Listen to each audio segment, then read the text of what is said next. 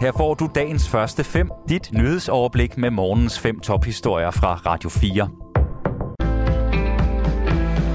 Det er tirsdag den 24. maj i studiet Henrik Møring. drop in dope har spredt sig til stort set hele landet. Det viser en rundringning til landets 10 stifter, som Radio 4 har lavet. 9 ud af 10 stifter, der har svaret, oplyser, at man kan få en hurtig dåb i deres stift. Og dermed har lyndåben spredt sig fra en kirke i København til stort set samtlige stifter på blot 5 år. For at blive døbt ved en drop-in-dåb skal man møde op med ID og med øh, fadere, der skal sørge for, at man bliver opdraget i den kristne tro.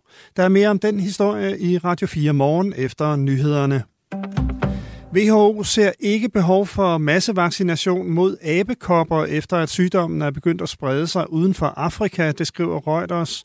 God hygiejne og sikker seksuel adfærd skal i stedet kontrollere spredningen af sygdommen. I går blev det første tilfælde af abekopper fundet i Danmark hos en mand, der har været på rejse i Spanien. Statens Serum Institut oplyser, at der er bekræftet abekopper hos 83 personer i Europa. 23 af dem er fundet i Spanien. Ifølge SSI har manden, der er testet positiv herhjemme, været på Gran Canaria. Smitteopsporing og isolation er ifølge WHO de foranstaltninger, der kan kontrollere spredningen af abekopper. Det skyldes, at viruset ikke spreder sig let, og at det indtil videre ikke har givet alvorlig sygdom. De fleste af tilfældene af abekopper er fundet hos mænd, der har haft sex med mænd. Rød Blok støtter et forslag fra statsministeren i Claus Hjort-sagen. Mette Frederiksen foreslår at ændre justitsministerens rolle, så han ikke længere skal beslutte, om der skal rejses tiltale i helt særlige straffesager. Det skyldes, at der har været rejst mistanke om, at Hjort-sagen er politisk motiveret. I sine sidste bemærkninger ved afslutningsdebatten i går sagde hun, at embedsmænd er gået i gang med at se på ordningen i forlængelse af Claus Hjort Frederiksen-sagen.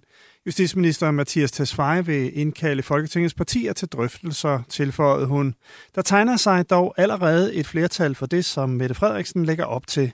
SF bakker op om øh, forslaget øh, for statsministeren, som hun i hvert fald siger det i dag siger SS formand Pia Olsen Dyr. Det her med at gøre Rigsadvokaten endnu mere uafhængig, og derfor også kan rejse tiltaler uden at skulle spørge justitsministeren om lov, øh, det tror jeg er godt for tredeling af magten. De radikale politiske leder, Sofie Karsten Nielsen, støtter helhjertet forslaget. Jeg synes, det lyder klogt. Det har været radikal politik i mange, mange år, siger hun. Enhedslisten bakker også op om forslaget. Ukraine ønsker hjælp til at eksportere millioner af ton korn. Det internationale samfund bør medvirke til at skabe en sikker korridor, der kan gøre det muligt for Ukraine at eksportere korn, som på grund af krigen mod Rusland ikke kan udskibes. Det siger den ukrainske vicepremierminister til BBC.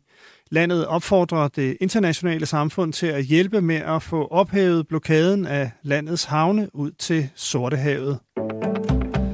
Når ministre bliver spurgt ind til, til spørgsmål om efterretningsoplysninger, har de mulighed for at henvise til Folketingets kontroludvalg.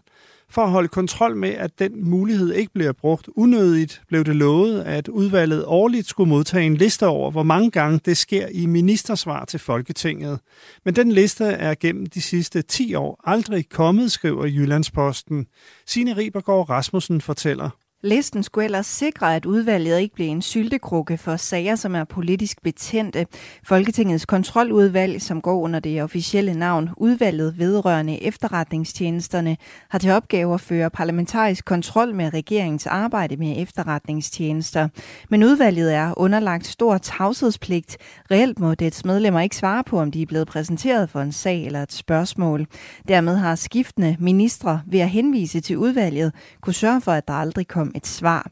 At udvalget ikke har modtaget listerne er et udtryk for et svækket kontrolorgan, mener Pernille Bøje Kok, som er forskningschef ved Institut for Menneskerettigheder og som har fulgt sagen i overvis. Det siger noget om, at udvalgets rolle og dets muligheder har været meget begrænset, siger hun til Jyllandsposten. Samtlige fem medlemmer af kontroludvalget har også kritiseret udvalgets reelle funktion. Dagens første fem er tilbage igen i morgen tidlig. Hvis du har brug for en nyhedsopdatering inden da, kan du altid fange os i radioen, på nettet og i vores app. Vi høres ved til dagens første fem fra Radio 4.